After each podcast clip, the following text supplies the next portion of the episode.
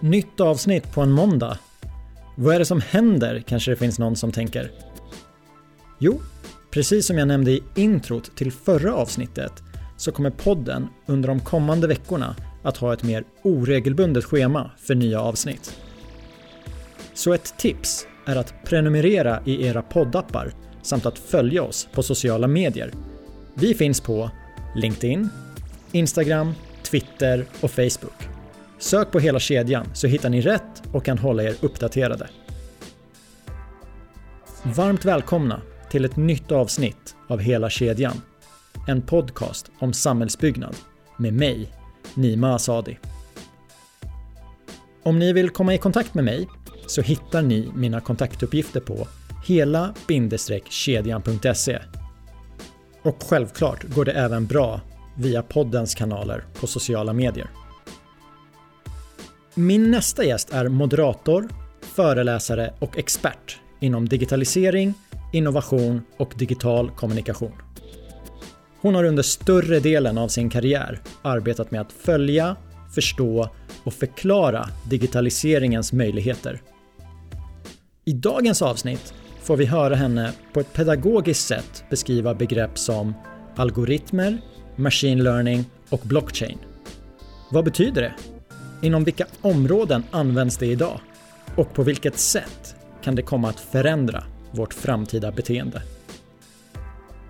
Vi kommer även in på hur företag bör tänka om de vill hänga med i den digitala utvecklingen som vi har framför oss. Ett riktigt spännande avsnitt, låt oss köra igång. Låt mig presentera årets moderator 2019, Beata Wickbom.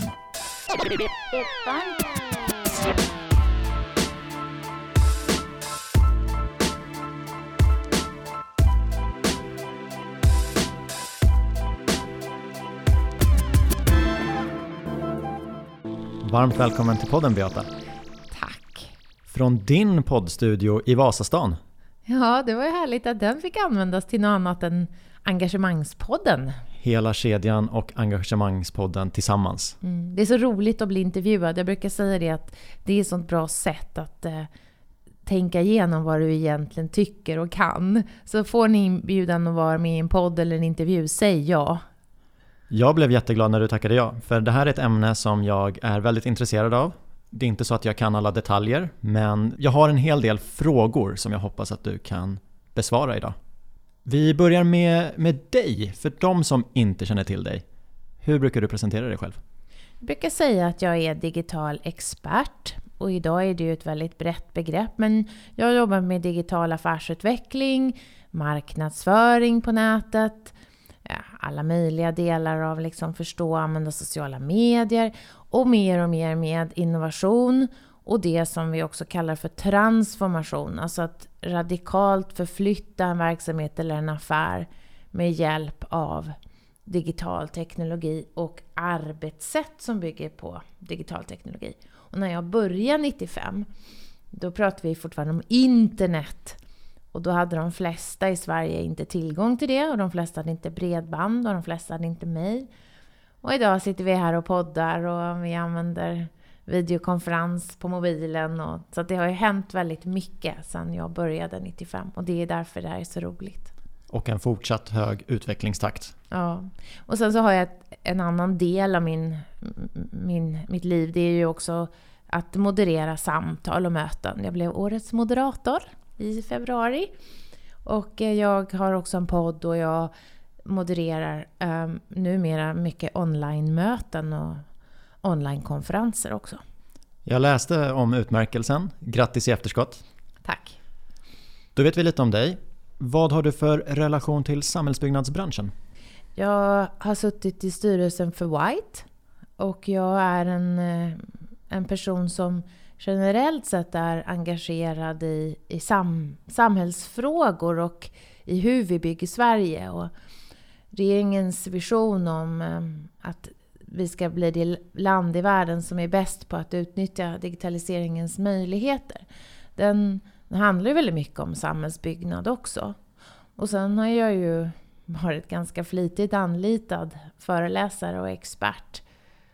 Ja, och dykt upp hos företag som Sweco, JM och Skanska och försökt att förmedla en vision om vart vi är på väg och vad möjligheterna är. Så jag är inte så insatt som du och dina lyssnare, men jag har ju lite koll. Hur upplever du stämningen i byggbranschen bland de bolag som du möter? Är de taggade på förändring? Eh, jag tror att man använder argumentet att det här är en väldigt svår bransch att förändra lite för ofta.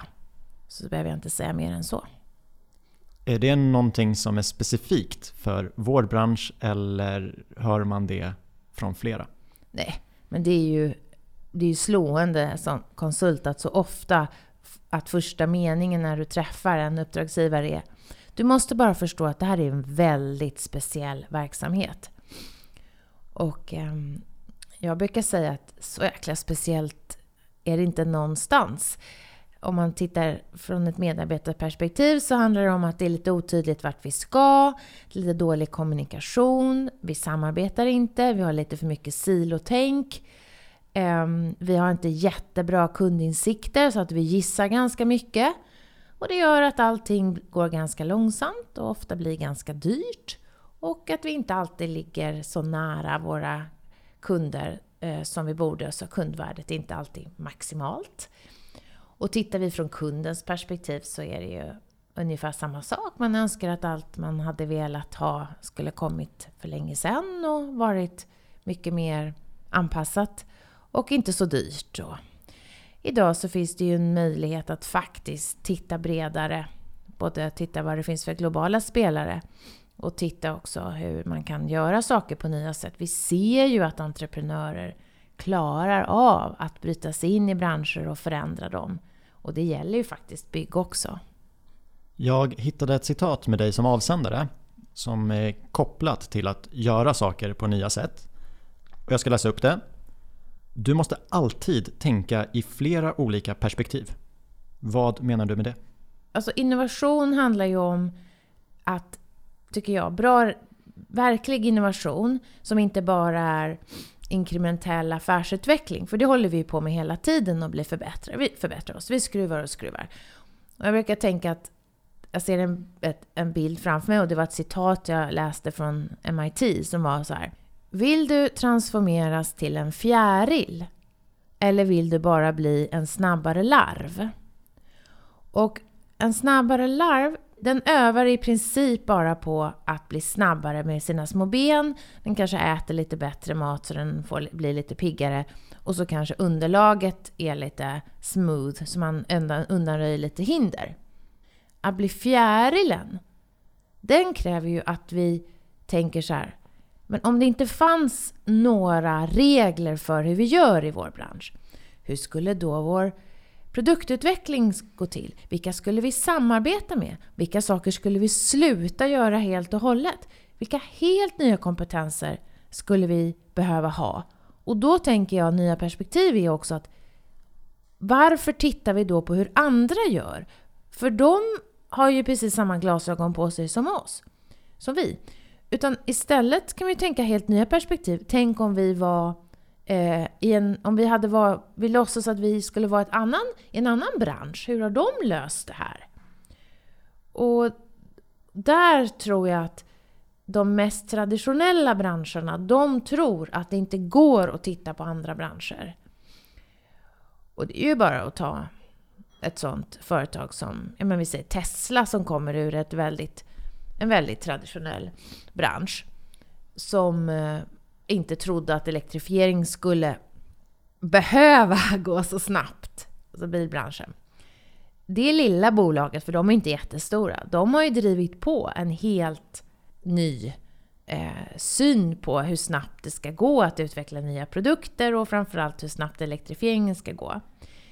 Men då kan man säga så här, men nu är det kanske nästa steg i det här är vad är överhuvudtaget att transportera sig? Och då kanske vi ska sluta tänka så här, äga bil, sälja bil.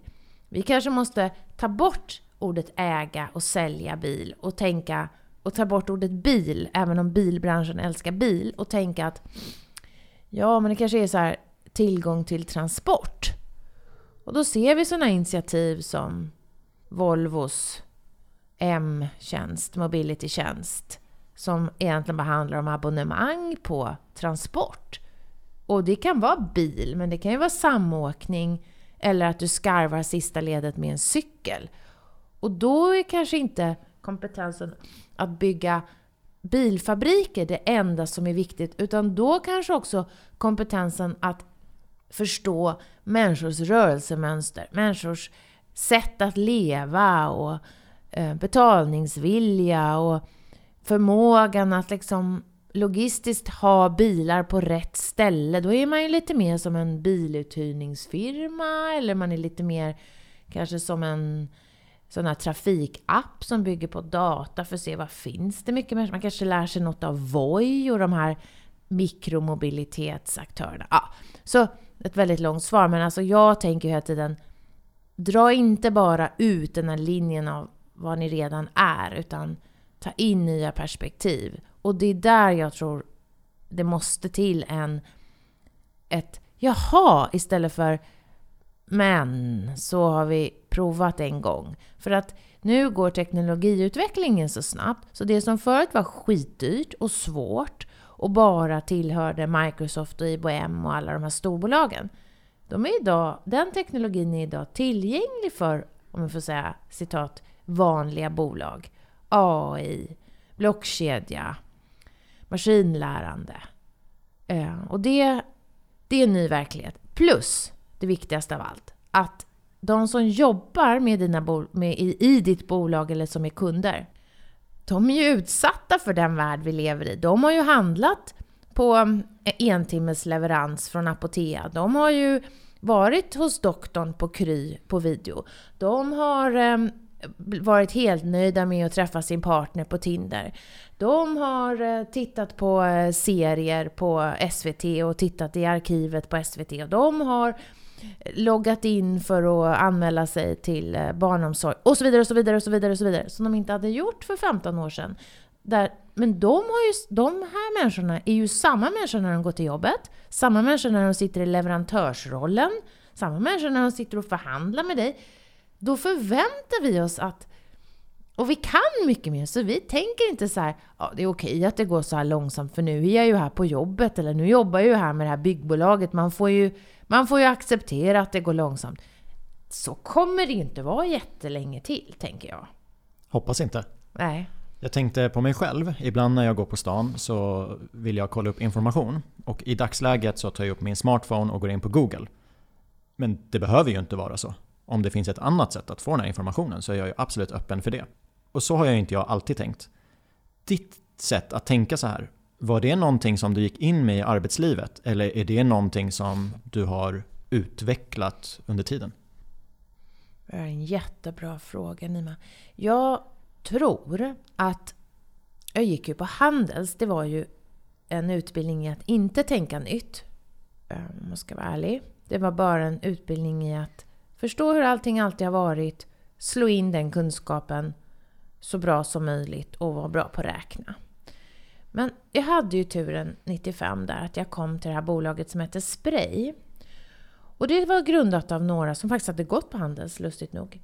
Och eh, de var så fria i tanken. Och de tänkte väldigt mycket så här, tänk om. Och det var första gången jag kände att faktiskt är det så att ingenting är givet. Det är inte så att världen är påhittad eller designad av någon och så här kommer det alltid vara. Utan världen är just påhittad. Allt vi gör är påhittat. Podd är påhittat. Eh, att vi sitter här med den här teknologin som vi nu har är påhittad. Att jag kallar mig moderator är ju bara påhittat. Den rollen är ju en gång uppfunnen. Allting är uppfunnet. Och då, då var det så många som var Eh, som var emot oss, eller vad man ska säga. Det var ingen som trodde på det här, du vet det klassiska att vår kommunikationsinfrastrukturminister då, hette det på den tiden, Ines Husman sa att internet var en fluga 96 och så. Men det var någonting i det där gänget som var att vi hade sett och vi drog ut den här idén väldigt långt med internet. Det skulle bli många till många. Det skulle bli maktförskjutning. Det skulle bli eh, Eh, den, lilla, den lilla organisationen, källarföretaget som ju vi var i början, skulle eh, också kunna göra avtryck i världen. Sen hade vi ju turen, eller vad man ska säga, att det blev ett, ett, ett sånt stort intresse kring internet. Och 99 fick vi det här med liksom hypen och vårt bolag blev ju jättehögt värderat för att så många var det ju inte på den tiden som hade någon insikt om vad som skulle hända. Och det där att vi fick ju fan rätt. Det, det sporrade ju mig att tänka att ingenting är givet och jag behöver inte förhålla mig till att någon säger det går inte. För vi har visat i massa olika insatser att det går visst att bygga och tänka att en metafor jag hade var så här. Eh, man får ha en alldeles för stor jacka på sig. Liksom som en för stor kostym. Eh, för man har, man har tänkt sig att man ska växa upp och använda den om, om ett tag. Just nu är den för stor, men den kommer passa om ett tag. Och det här att det inte hela tiden måste vara så, så rimligt och du måste vara realist. Och liksom, realist, det är bara ett sätt att säga till folk, stanna där du är. Sluta drömma. Sluta drömma. Så att jag tror att jag fick det där och jag har aldrig, jag tackar alltid det här gänget som jag fick jobba med därför att jag tränades upp i den här, det här tankesättet. Och jag ser det på mina barn som är 20 och 19. De har ju nog sett mig med alla mina initiativ och idéer och jag startade Hej Digitalt och sa att man kan förändra dialogen i Almedalen. Jag har um, hittat på, alltså jag är ju en påhittare liksom. När jag skulle fylla 50 ville inte jag ha fest, jag hade födelsedagskonferens. Då sa folk, vad är det för något? Ja, det har jag hittat på. Och så hade jag liksom folk på scen, mina vänner på scen som berättade saker och så hade jag publik och musik och så. Alltså de har ju, jag tror att de är mera så här, allt är möjligt, det finns inga givna regler. För att de har sett i praktiken att man får tänka vad som helst. Det är, mm. inte, det är tillåtet. Ja, men de har ju lärt sig det från dig. Det här jo. citatet med att världen som den ser ut idag är påhittad. Jag möttes ju av det första gången när jag läste Steve Jobs självbiografi. Och det har ju förändrat mig. Ja. Och du hörde det här 15 år innan jag läste det. Jag skulle önska att det var någonting som kunde smyga in sig i läroplanen i skolan. Jag tror det skulle förändra ganska mycket. Ja. Ta, ta oss tillbaka till när du läste den där biografin. Vad, vad hände med dig då när du läste det där? Jag började fundera kring det citatet. Och bara, det är ju sant. Va, vem har sagt att det här är det bästa sättet? Vem har sagt att den person som har kommit på det här är bäst lämpad att säga hur jag ska göra saker? Och så tänkte jag, om Steve Jobs säger det här, som en jättehyllad ledare för och nackdelar såklart. Men Apple gjorde ju fantastiska saker när, när han var där. Jag tänkte så här, kan inte jag använda mig av det här i min vardag? På mycket mindre skala, men oj vad mycket roligare det blev att jobba. Och det är nog det som fick mig att intressera mig för utvecklingsdelen. För när du tänker så här, varför gör vi så här? Och du kan skapa ett case till att men om vi förändrar så skulle det kunna bidra till det här och det här och det här det är ju både utvecklande för en själv men kan också utveckla ja, en hel bransch. Mm.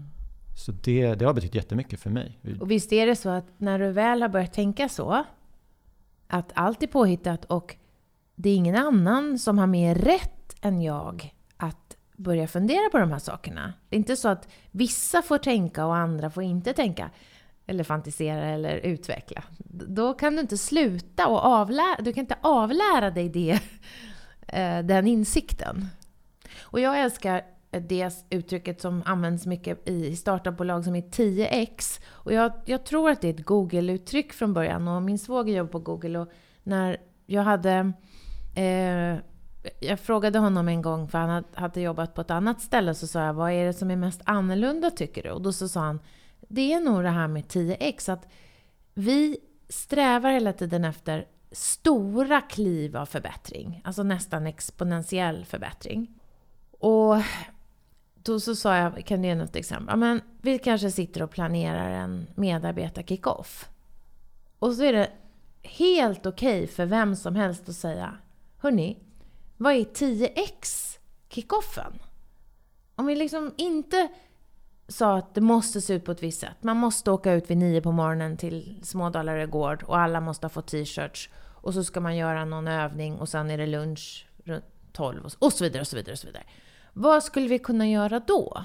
Och det här tycker jag är så himla kul att, att just tänka på det i, även i de delarna som vi säger men alltså morgonmöte, hur många sätt finns det? Alltså rekrytering, hur många sätt finns det? Arbetstid, hur många sätt finns det? Det finns faktiskt bara åtta timmar och så kan vi flexa plus minus en. Och så vidare och så vidare. Att vi liksom är innovativa även i de delarna. Apropå den här påhittade konferensen ute på Dalarö så beskrev du precis den senaste konferens som jag var på. Låt oss komma in på digitaliseringens möjligheter, för den kommer ju förändra hur vi gör saker. Och det finns en del buzzwords där ute. Så jag tänker att jag, jag säger dem en och en så får du berätta lite. Och vi börjar med algoritmer. Mm. Vad är det för någonting? Jag har hört att det, de finns där ute. De påverkar det jag läser på sociala medier men jag har ingen koll på mer. Man kan säga väldigt enkelt att det är formeln för en tjänst. Eh, om vi säger till exempel att du eh, använder Googles... Eh, eller i din telefon eh, så, så vill du titta på foton. Ehm, du kan få så här, alla foton på mamma, alla foton på Carro. Och så kan, kan plötsligt telefonen plocka fram alla de fotona med ansiktsigenkänning. Att få till den där ansiktsigenkänningen det är en algoritm som har räknat ut det. Och det är ju data och det är ju som en formel. Och den kan vara mer eller mindre avancerad. Kända algoritmer, det är ju Googles sökalgoritm. Hur fasiken önskar de som inte vill betala pengar för annonsering. Hur fasen ska jag veta hur jag ska göra min webbsida så att det är den som först kommer upp om man söker på, säger vi, Um, hantverkartjänster, hantverkartjänster i Stockholm. Exakt. För det är då en algoritm som har jättemånga komponenter. Så den har till exempel så relevans, innehåll. Den, och då måste man ju också, bakom det så finns det så här, och hur tar man reda på det i en matematisk? Är det antal gånger hantverk dyker upp i texten eller är det någonting annat? Eh, Stockholm, hur kan man ta reda på att det verkligen är i Stockholm? Alltså så att algoritm är formen för hur en tjänst funkar eh, baserat på data. Och då är det så här att de senaste åren så har vi blivit bättre på att skriva algoritmer. Och vi har också fått st större tillgång på data. Vi alltså, varje dag produceras det ju data från... Data är ju signaler. Det kan ju vara till exempel hur många gånger söker människor varje dag på Google. Det är en datapunkt som vi säger. Hur många gånger söker man på eller hur många gånger scrollar du upp och ner innan du hittar någonting? Verkar, det här verkade vara liksom lite svårhittat. Hur många gånger gör du det? En datapunkt kan ju vara när du går ut på en viss adress. En datapunkt kan vara att du klickar. En datapunkt kan vara att du ringer upp din doktor. En datapunkt kan vara att du i det samtalet säger förkylning 14 gånger. Ja, och så vidare och så vidare. Alltså, man kan säga att datapunkter är en sorts insikter eller avtryck som användare eller maskiner. maskiner genererar ju också data. En väderstation genererar data. du är ju inte en människa som sitter och fångar in det.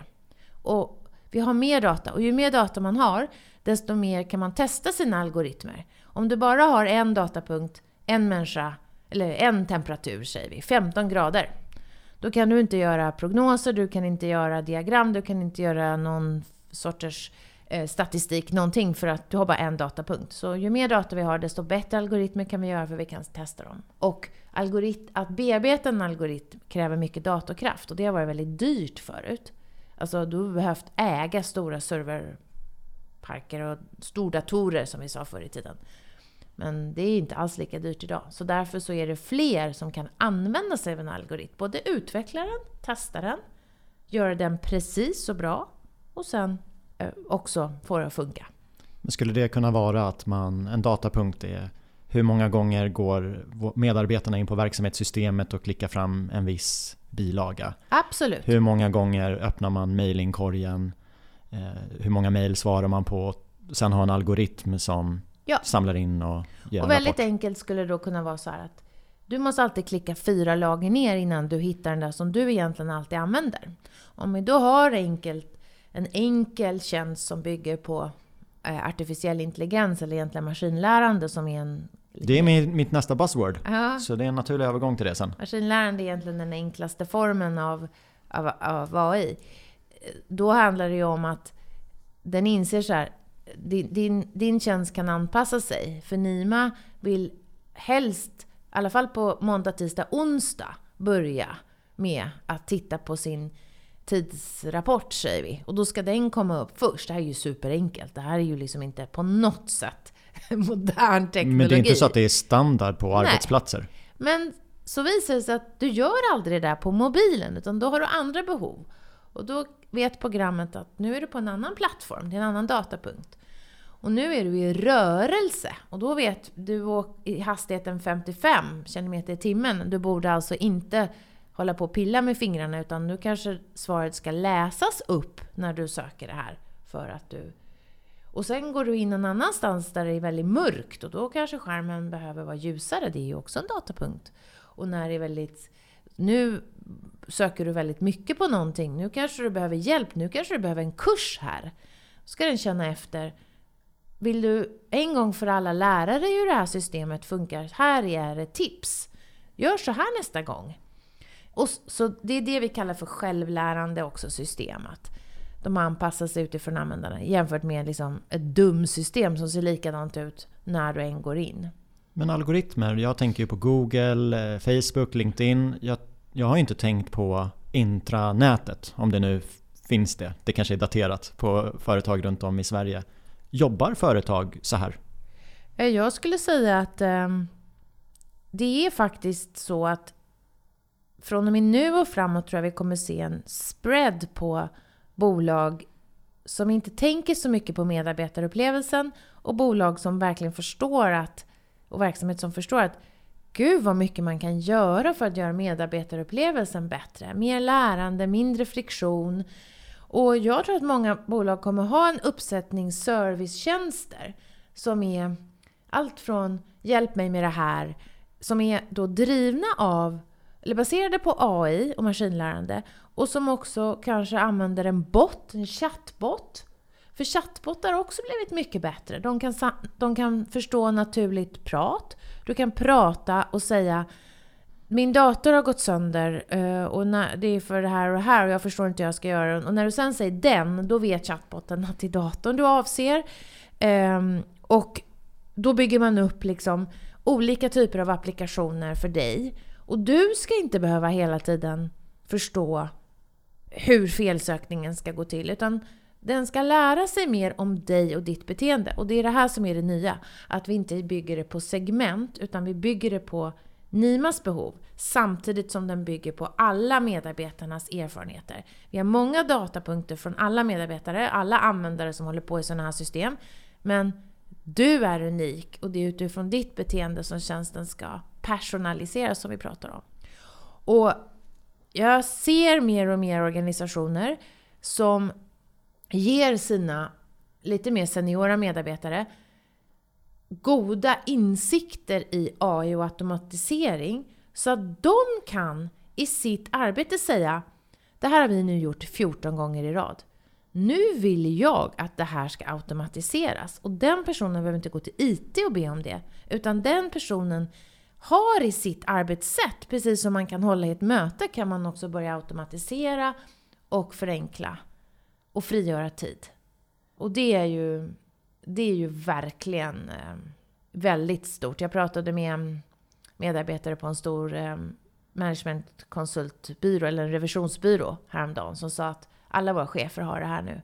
Och vi fri, kommer frigöra så mycket tid till det som människans hjärna verkligen ska användas till, nämligen det som inte datorer kan göra ännu. Att se komplexa mönster, att föra ihop helt nya tankar, att entusiasmera sina kollegor, att bygga engagemang för något. Men jag tror även att vi kommer ha liksom ledarskap som bot. Vi kommer ha en, en chattbot i fickan som kan coacha oss, påminna oss, stötta oss. Och när vi ser sådana studier på om det skulle vara någon som är intresserad av det så är det väldigt många som säger att jag skulle tycka det var skönt för att jag kan vara mig själv. Det är ingen som ser hur mycket jag frågar. Jag behöver inte känna mig dum. Eh, jag behöver inte ta någons tid. Så att digitalt stöd kommer vi se inom, alltså, kring lärande, när vi håller på med utvärdering, när det är styrning, när det är support. Vi kommer ha mycket mer sådana liksom digital knack på axeln som är na-na-na-na. na. Det här ska vi inte börja om med. Det här har vi redan gjort tusen gånger. Här får vi en applikation. Vi bör, kommer börja prata om i form av applikationer, liksom, tillämpningar, tjänster som ska hjälpa medarbetarna. För det är så många som sitter och gör samma sak som har gjorts tidigare. Där fick du mig att tänka i flera dimensioner för att jag har ju stött på chattbottar när man vill ha kundservice hos sin mobiloperatör till exempel. Men jag har inte tidigare tänkt hur det hade underlättat i min vardag. Till exempel när jag var arbetsledare på ett bygge. Många frågor var ju väldigt basic. Vart är elskåpet? Vart mm. finns verktygen? Det är ju frågor som jag fick varje dag av mm. olika personer. Så om bygget då hade haft den här chattbotten, det hade ju sparat väldigt mycket tid. Och så tänker jag också, det är inte bara arbetskostnaden, utan vad hade jag kunnat göra med den tiden? Och motivationen när man inte hittar, går ner och så. Och det intressanta här med chattbottar är att, som man ska förstå, att för er som kanske minns de liksom första digitala assistenterna, det fanns SAS-Eva till exempel. Hon hade bara ett begränsat antal svar i sin databas. Men chattbottar, de använder också maskinlärande. Så de utvecklar svaren och innehållet över tid. Så att om folk säger elgrejen istället för elskåpet, så säger man ju inte, men vi säger det. Då lär den sig det talspråk som gör att man uppfattar svaret som mer och mer relevant. Sen kanske den också uppfattar att du är någon som vill ha väldigt långa svar och väldigt tydliga. Du kanske också vill ha en karta. Du är väldigt... Du, du, liksom, du är inte någon som gillar humor eller talspråk. Du vill ha klart och koncist. Någon annan gillar liten puff och lite liksom roligt svar. Då får den det. Det här är det unika, att det kostar inte att skala utifrån individuella behov. Och att den lär sig över tid. Och det är ju människor som tränar chatbot, det här är jätteviktigt. En chatbot är ju bara en liten, ett litet datorprogram. Den vet ju ingenting om era elskåp och era medarbetares behov. Utan det är medarbetaren som tränar upp den först. Vad är våra vanligaste tio frågor? Ja, det är de här. Då petar vi in dem. Och sen börjar den lära sig. När, när, var svaret bra? Ja, jättebra. Fint, då fortsätter vi. Var svaret då, bra? Nej, jag fattar fortfarande inte. Okej. Då kan den liksom själv lära sig vidare till ett ännu bättre svar. Det är därför det här är så häftigt. Ja, det kommer förändra ganska mycket. Sen kan du tänka också att idag är vi väldigt skärmberoende. Och vi tycker att det är stort att man kan ha en liten skärm med sig. Men ju mer vi styr med Eh, data och digitala tjänster, desto viktigare kommer ju bli att få någon sorts osynligt stöd. Om vi säger att jag har den där chattbotten i fickan. Ska jag då varje gång jag behöver en liten knuff höra så där skulle du inte ha gjort. Eller ska jag få ett litet pick i armen av min digitala klocka? Eller ska jag ha någon liten extra skärm som ser ut ungefär som en liten tandläkarspegel eller så Google Glasses ovanpå min hjälm eller vad ska jag ha? Och jag pratade med Elena Fersman som är eh, chef på Ericsson, eller hon är ansvarig för AI-forskningen på Ericsson. Och då så sa hon direkt in i hjärnan. Alltså vi kommer ha kognitiva system som styr oss eh, mycket mera osynligt. Och Facebook har i många år till exempel tittat på, de släppte det här redan eh, för tre år sedan, en, en, en rapport där de visar att de har 60 pers som sitter där i Kalifornien och tittar på dator-människa-interaktion. För att friktionen nu ligger i att jag måste ta upp en skärm, använda fingrarna, snart kommer vi få röststyrning, men snart kommer vi få hjärnstyrning. Och inga bökiga gränssnitt. Och det här blir ju också väldigt, väldigt spännande. För det blir ett annat arbetssätt, att vi har den här rösten eller den här osynligheten i, runt oss som hjälper oss, stöttar oss, men kanske också då styr och manipulerar oss. Så det här är ju inga, det här är inga enkla steg att ta. Jag tänkte säga det. Det är både spännande och läskigt på samma gång. Förstår du mer om algoritmer och AI nu? Jo, algoritmer och machine learning fick vi med där. Sen har jag även skrivit upp blockchain. undrar om det finns någon kort förklaring på det? Blockkedjeteknologi, som det, det heter egentligen blockchain technology det är en helt ny teknologi som vi har igen därför datorkraft och datorkapacitet har blivit högre. Därför att om man tänker sig idag så mm, fick jag till exempel ett manus av dig som du hade skrivit i Word och så mejlade du det till mig. Då finns det ett original och det är du som äger det. Och jag fick en kopia och jag laddade ner den kopian. Eh, och så printade jag den faktiskt för att ha den här i studion med dig idag. När jag skriver in mina svar på det här, då ser ju inte du det. Och om du så småningom också skulle komma på att jag frågade faktiskt på fel sätt. Det skulle vara intressant att veta hur det var med det här och här. Då ser jag heller inte det. Och det här är, så jobbar vi idag med delade dokument. Det unika med det här systemet är att dokumenten är, eller datan är alltid delad oavsett vem som först skapar den. Um, och den är alltid spårbar till eh, historiskt sett så att ditt dokument kan någon annan aldrig säga att det, var, att det här är deras. Och de svaren som jag har lagt till, som är en liten till del då i den här kedjan, om man säger att blockkedjan, är, man tänker sig en kedja med data. Den är också alltid Beatas svar. Du kan aldrig påstå att det här är någon annans. Och sen lägger man då avancerad kryptering på det här så att det aldrig går att ändra. Det går aldrig att förvanska upphovsmannen till det här dokumentet. Och då så kan jag gå över till att ge ett exempel som är att en applikation av blockkedjeteknologi, det är ju pengar, bitcoins. Och det fattar ni ju själva att man kan inte ha en hundralapp på tio olika ställen eh, förvanskad, för då, då en hundralapp är bara en hundralapp och den får inte ha en kopia. Så att teknologin är väldigt avancerad eh, och, och, den har inte funnits tidigare. Det intressanta blir ju då, vad kan man använda den här till? Och om man tänker byggbranschen så består ju den av både material, arbete, förädling, projektering och massa, massa, massa, massa olika delar. Sen när en väl ett bygge är klart så består den ju av löpande underhåll och sen så kanske liksom renoveringar. Det finns otroligt många insatser här som skulle kunna kontrolleras via blockkedjeteknologi.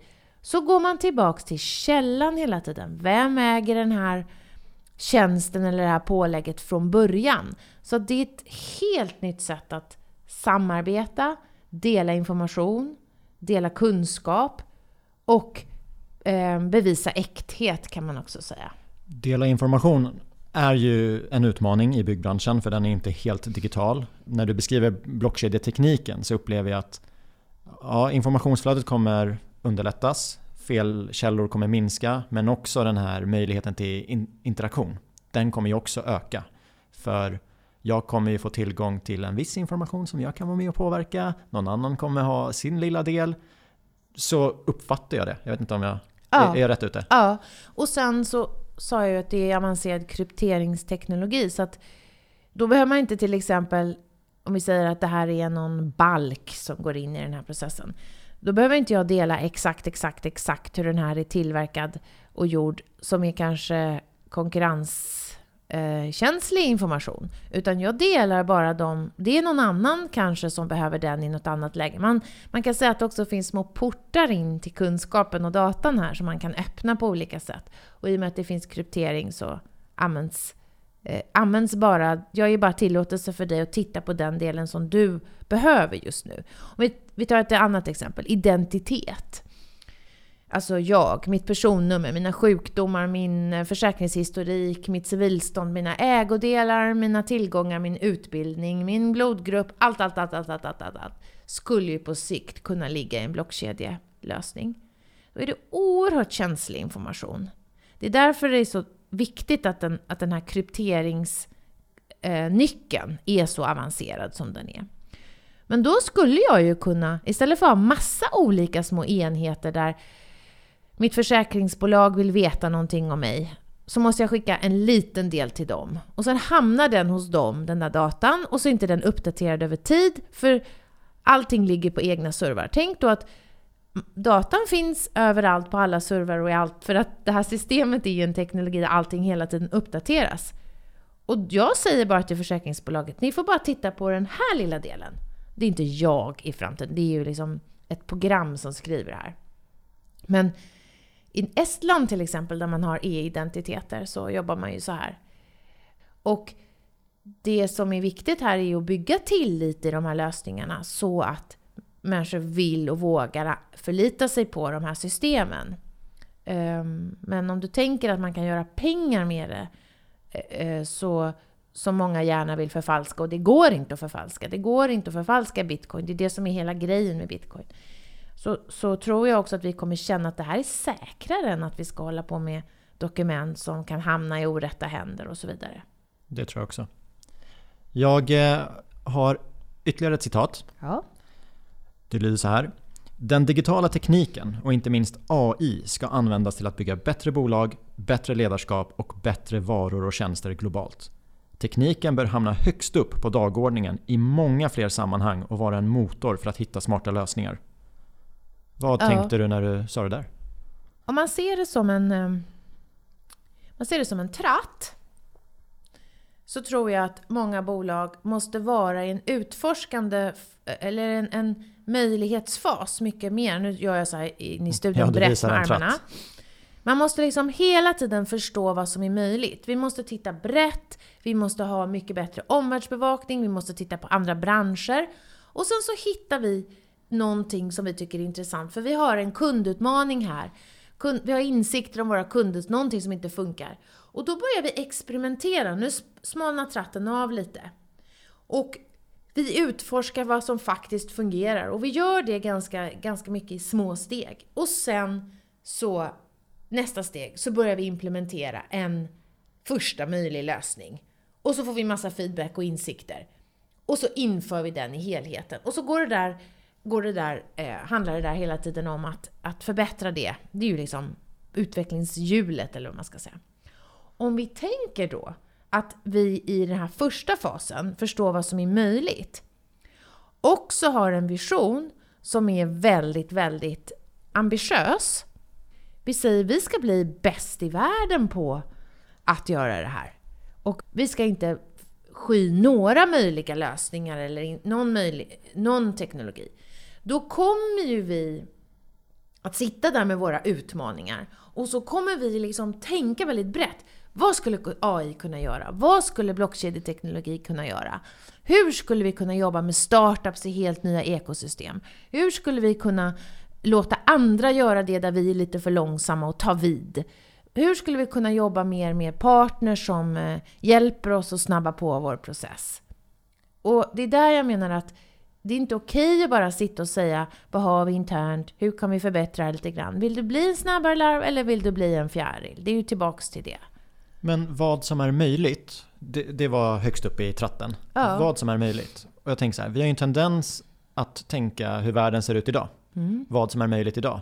Och inom de här teknikerna som du beskriver, ja men hela din bakgrund, du är i en bransch som har förändrats otroligt mycket sedan 95 då vi inte hade internet. När du träffar en ledningsgrupp, har du några tips till dem på hur man ska tänka just för att inte begränsa synen på möjligheter?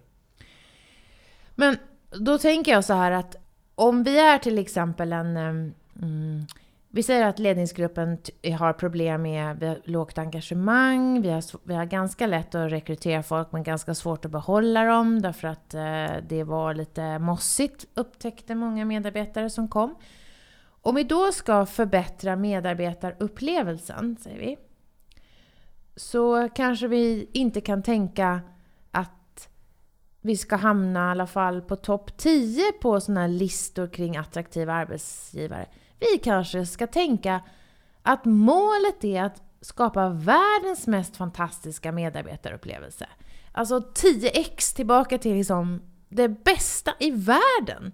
För det är klart att vi når ju inte dit, men om vi inte sätter det ambitiösa målet, då kommer det bara puttra på i små, små, små, små, små steg och vi kommer inte nå till en verklig förbättring. Och när vi då säger att vi vill ha världens mest fantastiska eh, medarbetarupplevelse, då går vi ju inte och tittar på grannen och branschkollegan. Då tittar vi på de bolag där människor älskar att jobba. Vi tittar på eh, studier kring vad gör de bästa i världen. Och så tänker vi, ja men det spelar ingen roll att det här är ett eh, amerikanskt mjukvarubolag eller att det här är en skokedja eller det här är en... Eh, de här gör, håller på med eh, restauranger. Någonting kan vi lära oss. Och så tänker vi, hur kan vi förstärka den här insatsen med hjälp av teknologi så att det skalar till många och det blir bättre med maskinlärande över tid? Och det är lite så jag tänker att det, det går inte idag att säga ja ah, men vi är ändå ett väst, västsvenskt byggbolag, det är inte så lätt för oss. Jo, det är det. Det finns ingenting som hindrar er att tänka vad skulle den bästa lösningen i världen vara? Det finns inget som hindrar den från att tänka. Sen tänker jag implementering och här blir det jättespännande med din erfarenhet och de bolag du träffat. De bolag som misslyckas med att implementera mm. en vision.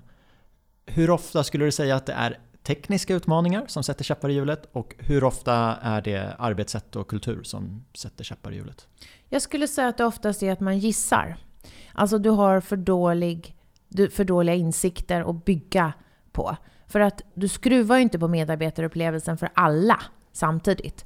Utan du tänker så här, okej, okay, vi, vi intervjuar tio stycken nya som har nyligen kommit och så, så hittar vi friktion.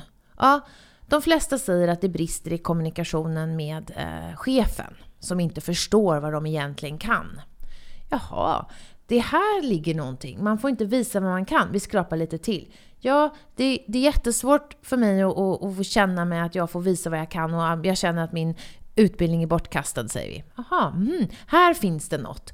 Då börjar man ju med att fundera på, okej, okay, hur kan vi hitta ett sätt att göra den här personens kompetens mer synlig? Vad finns det för sätt? Ja, vi skulle ju kunna jobba med att man hade någon liksom, någon, någonting på intranätet som tydligare visar vad man har för eh, kompetens och erfarenhet. Och vi kanske visualiserar det här på nya sätt. Och vi kanske visar var i vår kompetensmix passar den här personen in. Då gör vi en liten, liten lösning. Det som vi kallar för MVP, en minimum viable product. En liten insats först, som vi har. Och så testar vi det på några personer och med några delar av verksamheten. Så får vi feedback igen. Så itererar vi en omgång till. Och så till slut så säger man, det här funkar ju. Det här går att göra. Och teknologin går att göra. Då implementerar vi det på helheten. De som misslyckas, det är de som ska köpa en jättelösning och göra allting, göra om allting. Och det tar två år, när du är färdig så var behoven annorlunda. Jim Collins skriver om det. Provskott. Provskjut lite. Provprata, ja. provskjut, provjobba. Eh, mm. Och där brukar jag ju säga så här, bara börja. Eh, att, att vi säger så här, tänk om vi kunde ändra våra måndagsmöten så att de blir mer interaktiva. Bra, då börjar vi nu. Då tar vi varvet runt med kommentar på nästa fråga istället för att en bara pratar. Ja, det är lätt att säga. Vad hindrar dig? Eh, ingenting. Var, vad hindrar dig från att börja? Ingenting. Varför gör du det inte? Hehehe. Då blir jag vansinnig när jag får de svaren. Jag kan förstå det. Vi börjar närma oss slutet. Jag har en sista fråga. Jag är idag en medarbetare i samhällsbyggnadsbranschen, 33 år. Om jag vill vara fortsatt relevant om tio år, har du något tips till mig? Vad, va, vad ska jag göra? Jag tror så här Nima, att du eh, gör ju redan en sak med podden, nämligen du snabbar på ditt lärande. Lärandet kommer mer och mer att vara individens ansvar. Det kan inte vara hela individens ansvar, det måste matchas av eh, din uppdragsgivare också. Jag säger inte arbetsgivare, för vi kanske jobbar i uppdrag. Men sen den andra delen tror jag handlar om väldigt mycket att du ska veta hur du tillvaratar digitaliseringens möjligheter. Du ska se att eh, i den här förhandlingen hade vi haft hjälp av ett eh, beslutsstöd som hade kunnat tydliggöra det här och här. Då ska du veta hur du efterfrågar ett sånt. Du ska inte behöva bygga det själv, men du ska kunna, precis som jag pratade om innan, de här cheferna som lärde sig om automatisering och AI.